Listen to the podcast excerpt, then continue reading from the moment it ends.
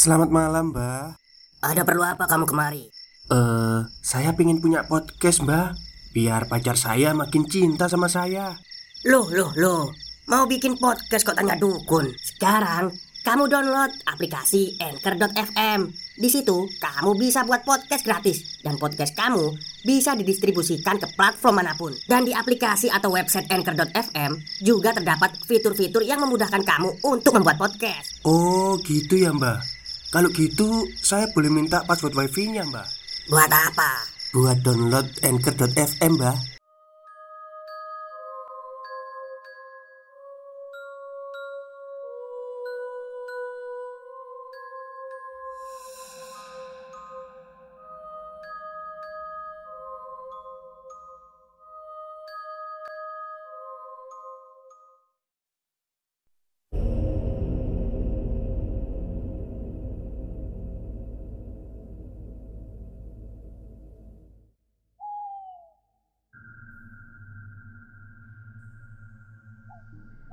Assalamualaikum warahmatullahi wabarakatuh. Halo semuanya Jumpa lagi dengan saya Chow Sing Sing Kurator dari Podcast Horror Night Story. Halo apa kabar semuanya? Semoga kalian semua baik-baik saja ya. Dan seperti biasanya pada malam hari ini saya kembali dan akan membawakan sebuah kisah mistis untuk kalian semua. Kisah mistis kali ini saya datangkan dari tweet Twitternya Mbak Cinta Kirana yang menceritakan pengalaman sepupunya saat melakukan perjalanan ke Gunung Gelap. Seperti apa kisahnya? Mari kita simak. Cerita ini saya dapat dari adik perempuan saya saat ia dan teman-temannya pergi berlibur ke Garut tahun 2018. Demi kenyamanan semua pihak, beberapa detail tempat dan tokoh akan saya samarkan. Mohon maaf apabila terjadi kesalahan penulisan dan selamat membaca. Tahun 2018 Sepupu Tika yang berdomisili di Garut Kota Akan melangsungkan pernikahan Pada hari Sabtu di bulan Agustus. Akhirnya Tika mengajak teman-temannya berlibur ke Garut Pada hari Jumat Untuk bermalam di Garut. Dan esoknya mereka pergi ke pernikahan. Jam satu siang setelah sholat Jumat Aldi, Deka, Mita, dan Isda Menjemput Tika di kampusnya Di daerah Buah Batu Bandung Dengan menggunakan mobil ayah Deka Yang dikemudikan oleh Aldi. Sebelumnya mereka telah sepakat Untuk pergi berlibur ke Ranca Buaya Yang ada di Garut Selatan Melalui jalur Pangelangan dan malamnya menginap di rumah kerabat Tika di Garut Kota. Bukan tanpa alasan mereka ingin melewati jalur Pangelangan. Satu minggu yang lalu, mereka pergi ke perkebunan teh Malabar di Pangelangan dan mengunjungi makam Karel Albert Rudolf Boschka atau lebih dikenal dengan sebutan Boschka Sepulang dari sana, Deka dan Isda yang merupakan kakak beradik merasakan sesuatu mengikutinya. Deka dan Isda memang lebih sensitif terhadap hal gaib dibandingkan dengan ketiga temannya. Awalnya perjalanan terasa berat sampai akhirnya mereka pergi ke Pangelangan terlebih dahulu dan memulangkan sesuatu yang mengikuti mereka barulah perasaan mereka menjadi lebih ringan. Setelah itu, mereka melanjutkan perjalanan menuju Ranca Buaya dan menemukan persimpangan. Sebenarnya, jalur mana pun yang mereka ambil tetap mengarahkan mereka menuju Ranca Buaya. Tapi mereka memutuskan untuk mengambil jalur kanan yang lebih memutar karena niatnya memang ingin jalan-jalan. Di tengah perjalanan, tiba-tiba ada seekor anjing yang menyeberang jalan. Aldi yang selalu mengemudikan mobil dengan kecepatan tinggi di atas 90 km per jam Langsung menginjak pedal rem dalam-dalam Dan memaki anjing itu Mereka semua yang ada di dalam mobil pun ikut mengumpat pada si anjing Akhirnya Setiap ada anjing yang mereka lihat Mereka semua kompak mengata-ngatainya Percakapannya mulai didominasi dengan umpatan anjing, anjing, dan anjing. Selang beberapa lama, Isda yang biasanya tidak pernah mual selama perjalanan mulai merasakan mual. Tika dan Mita membantunya mengolesi minyak angin untuk mengurangi rasa mual. Perjalanan ini terasa sangat panjang dan lama, padahal Aldi konsisten menginjak dalam pedal gas, dan jalanan juga sangat lancar. Hanya ada satu dua mobil yang melintas melewati perkampungan, sawah, dan daerah sepi. Ya, itu saja terus berulang-ulang pemandangannya.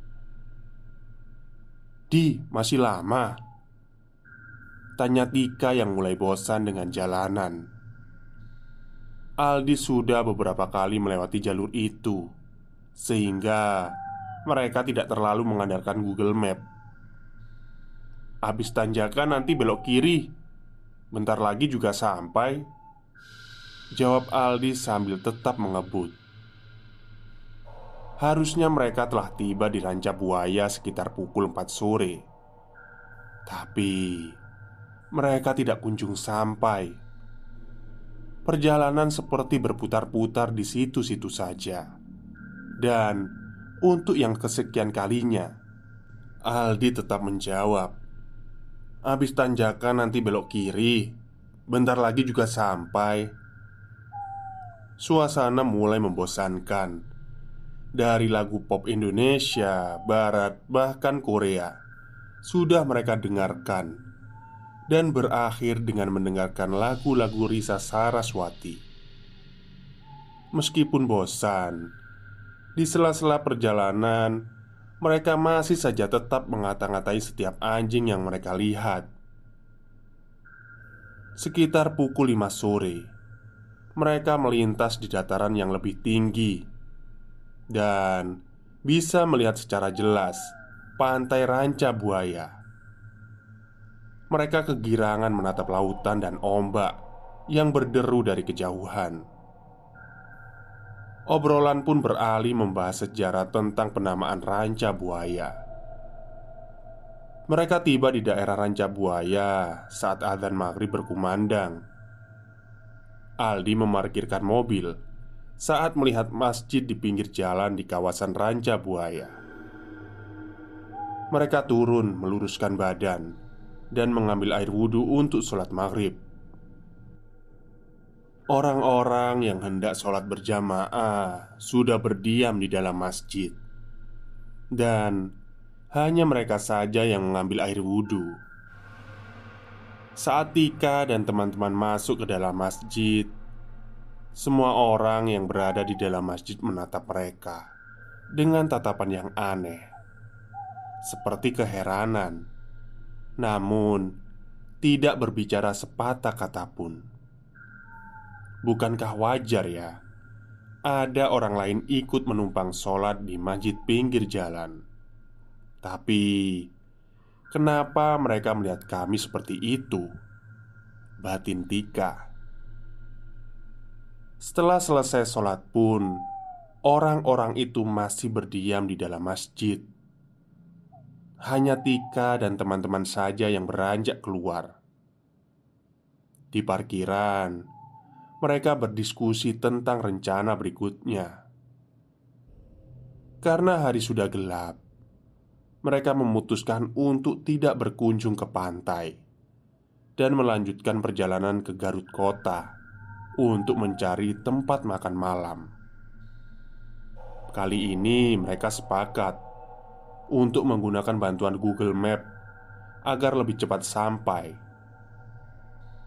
Aldi melesatkan mobil meninggalkan kawasan Ranca Buaya. Di perjalanan saat dihadapkan pada perempatan, Map mengarahkan mobil untuk berbelok ke arah kiri. Mobil pun mengikuti arahan dari Map. Saat berbelok, hujan langsung turun dengan lebatnya tanpa aba-aba. Tapi mobil tetap mencoba menyusuri jalan. Stop, stop, kita break sebentar. Jadi, gimana? Kalian pengen punya podcast seperti saya? Jangan pakai dukun, pakai anchor, download sekarang juga gratis. Jalan ini bukan jalan raya seperti yang tadi mereka lalui. Gelap dengan jalanan rusak yang menyempit dan berbatu. Makin masuk ke dalamnya, jalan ini mengarahkan mereka menuju ke arah perkampungan di ujungnya tidak mau mengambil resiko. Aldi memutar balik mobilnya dan melaju ke jalan raya sebelum mereka berbelok. Terlihat beberapa tukang ojek yang sedang mangkal dan memperhatikan mereka keluar dari jalan itu. Tiba di jalan raya, Isda yang sedari tadi diam saja mulai merasakan mual yang tak tertahankan Hujan sudah mulai berhenti. Aldi kemudian memberhentikan mobilnya di pinggir jalan. Hanya terdapat pepohonan dan semak-semak di sana-sini. Isda turun dan mengeluarkan isi perutnya, dibantu Mita yang memijit di bagian belakang leher Isda. Deka juga ikut turun dari mobil dan menyalakan rokoknya dengan kesusahan karena angin berhembus sangat kencang.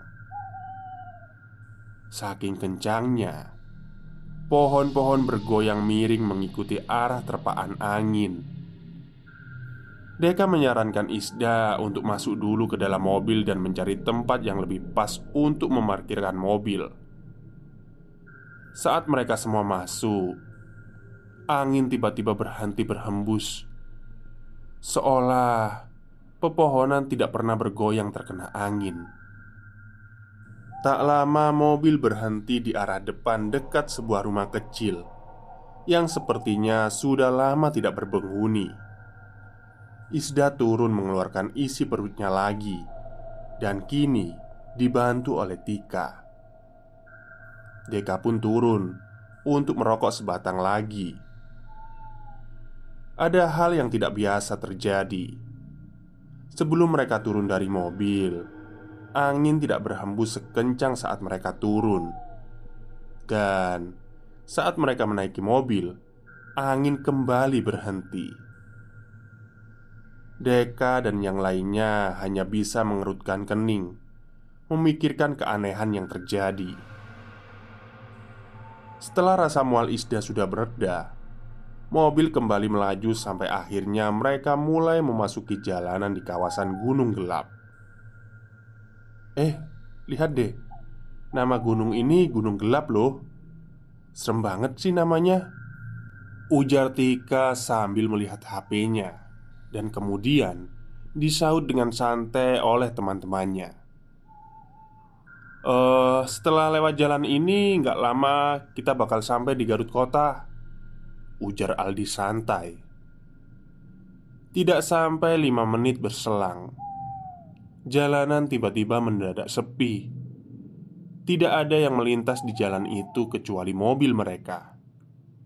Ditambah Kabut tebal dengan cepat menyelimuti jalanan Membuat jarak pandang menjadi terbatas. Hanya sekitar 2 meter ke depan saja. Penerangan jalan pun hanya mengandalkan lampu sorot dari mobil. Keadaan jalan yang cukup gelap dan curam, dengan sisi kiri tebing dan sisi kanan juga jurang, membuat Aldi memperlambat laju mobil dan ekstra hati-hati mengemudikannya.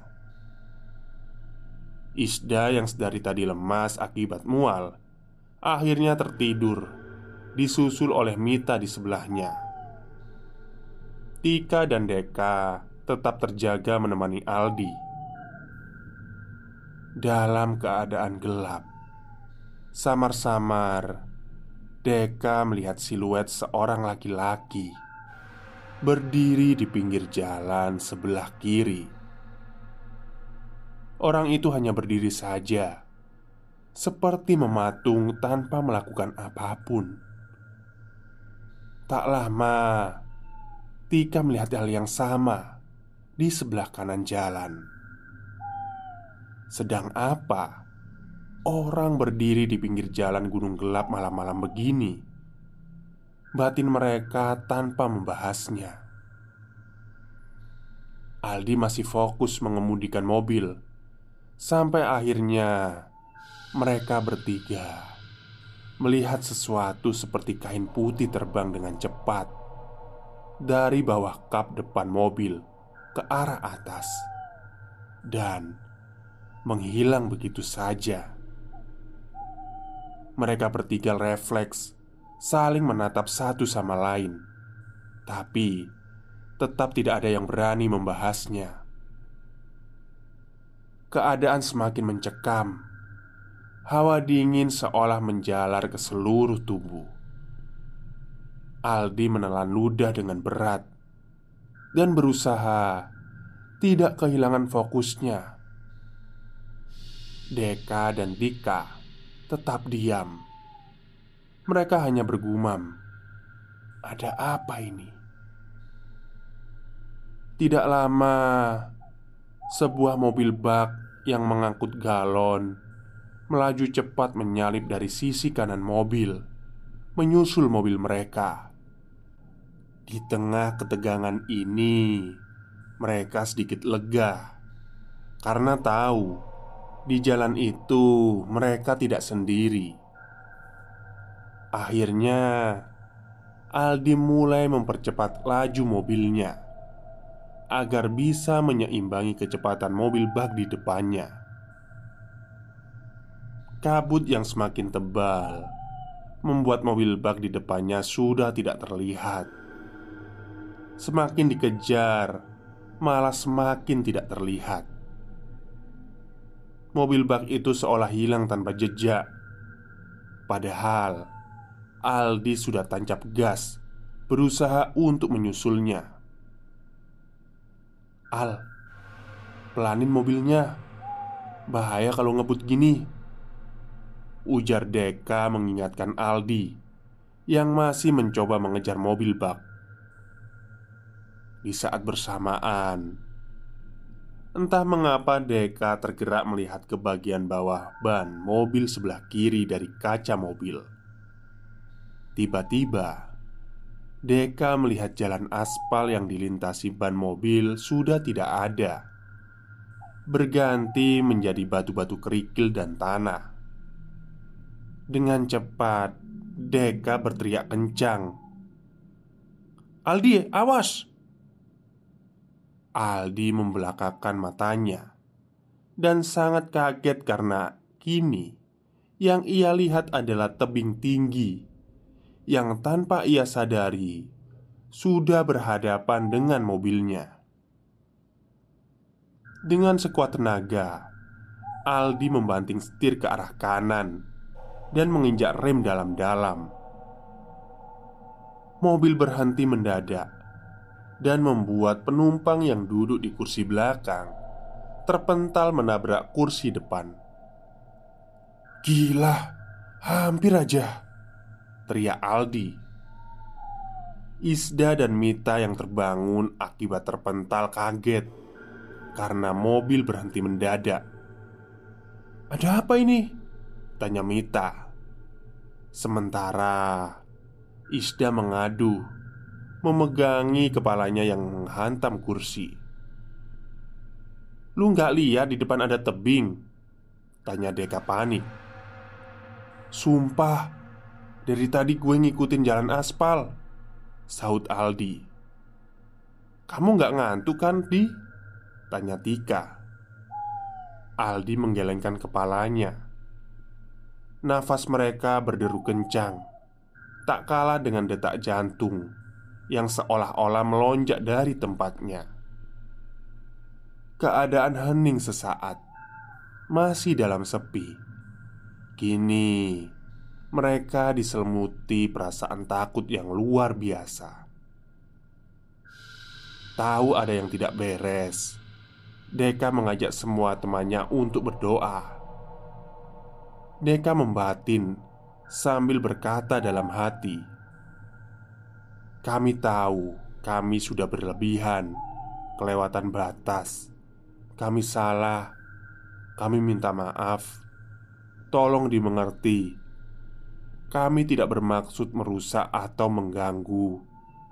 Kami hanya ingin bersenang-senang saja." Setelah mereka bisa menguasai diri dari kepanikan, Aldi kembali menjalankan mobil dengan perlahan dan hati-hati. Kabut tebal yang sedari tadi menyelimuti kini mulai menipis, membuat ujung sisi kanan dan kiri jalan terlihat. Selang beberapa lama kemudian, akhirnya mereka keluar dari jalur gunung gelap mereka menghela nafas, bersyukur masih ditolong Yang Maha Kuasa dan diberi kesempatan untuk hidup. Setelah menemukan daerah berpenduduk, Deka meminta Aldi untuk berhenti di minimarket terdekat. Ia merasa sangat lemas dan mual. Saat sampai di minimarket, Deka langsung muntah walaupun hanya cairan yang ia keluarkan. Deka dan teman-teman kemudian berdoa kembali. Sebelum akhirnya mereka melanjutkan perjalanan dan tiba di kediaman kerabat Tika sekitar pukul satu malam. Mereka menghabiskan begitu banyak waktu, padahal seharusnya mereka sudah sampai pukul 9 atau 10 malam di Garut kota. Kerabat Tika yang menyambut mereka tengah malam Merasa keheranan Karena mereka baru tiba Tapi Tak satu pun dari mereka yang menceritakan kejadian janggal yang dialami Mereka lalu beristirahat Dan esok harinya dari pagi sampai siang menghadiri pernikahan sepupu Tika. Setelah itu, mereka berpamitan dan segera pulang ke Bandung. Perjalanan pulang terasa sangat ringan dan cepat. Tidak ada hambatan sama sekali. Sampai akhirnya mereka tiba di Bandung dan beristirahat sejenak di rumah Deka di daerah ujung Berung. Di rumah berlantai dua itu, mereka berkumpul di lantai atas sambil bersantai menikmati cemilan yang disodorkan oleh Ibu Deka. Mereka akhirnya menceritakan apa yang dirasakan oleh masing-masing saat perjalanan ke Garut kemarin. Mereka sangat bersyukur dan lega bisa sampai dengan selamat dan kembali ke Bandung. Mengetahui pamannya telah kembali ke rumah Ulan kecil berlari menaiki tangga Dan bergabung dengan Deka dan teman-temannya Om dari mana? Tanya Ulan Habis jalan-jalan Jawab Deka Oh, habis jalan-jalan ya?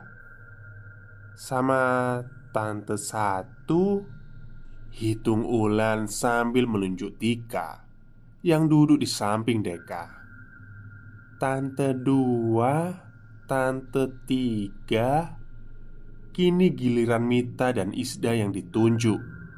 Tante empat Ulan Menunjuk pojokan ruangan di dekat Aldi berdiri. Padahal Tidak ada siapa-siapa di sana. Hanya kami bertiga perempuan yang ada di ruangan itu kecuali Ulan. Ulan kecil lalu melompat ke pangkuan Deka sambil memeluk pamannya erat-erat. Mereka yang ada di ruangan lalu saling melempar pandangan. Tidak tahu siapa orang terakhir yang ditunjuk Ulan. Mereka hanya berharap siapa pun itu tidak datang untuk mengganggu mereka. Setelah selesai menceritakan kejadian ini pada saya, Deka dan Tika menyadari bahwa sebelumnya mereka dan teman-temannya sudah kompral, berkata kasar dan berlebih. Mereka berharap kejadian ini bisa jadi pelajaran untuk siapa pun di mana pun, agar tidak sompral dan berlebihan. Mereka sangat bersyukur masih bisa selamat dari kejadian itu Akhir kata, saya doakan semoga kita selalu diberi keselamatan dan terhindar dari segala bahaya di mana pun dan kapan pun. Tamat. Oke, itulah akhir cerita dari tweet twitternya Mbak Cinta Kirana ya. Jadi memang kalau kita sedang melakukan perjalanan dan di tempat itu dikenal sepi, sebaiknya itu kita tidak mengatakan hal-hal yang berlebihan.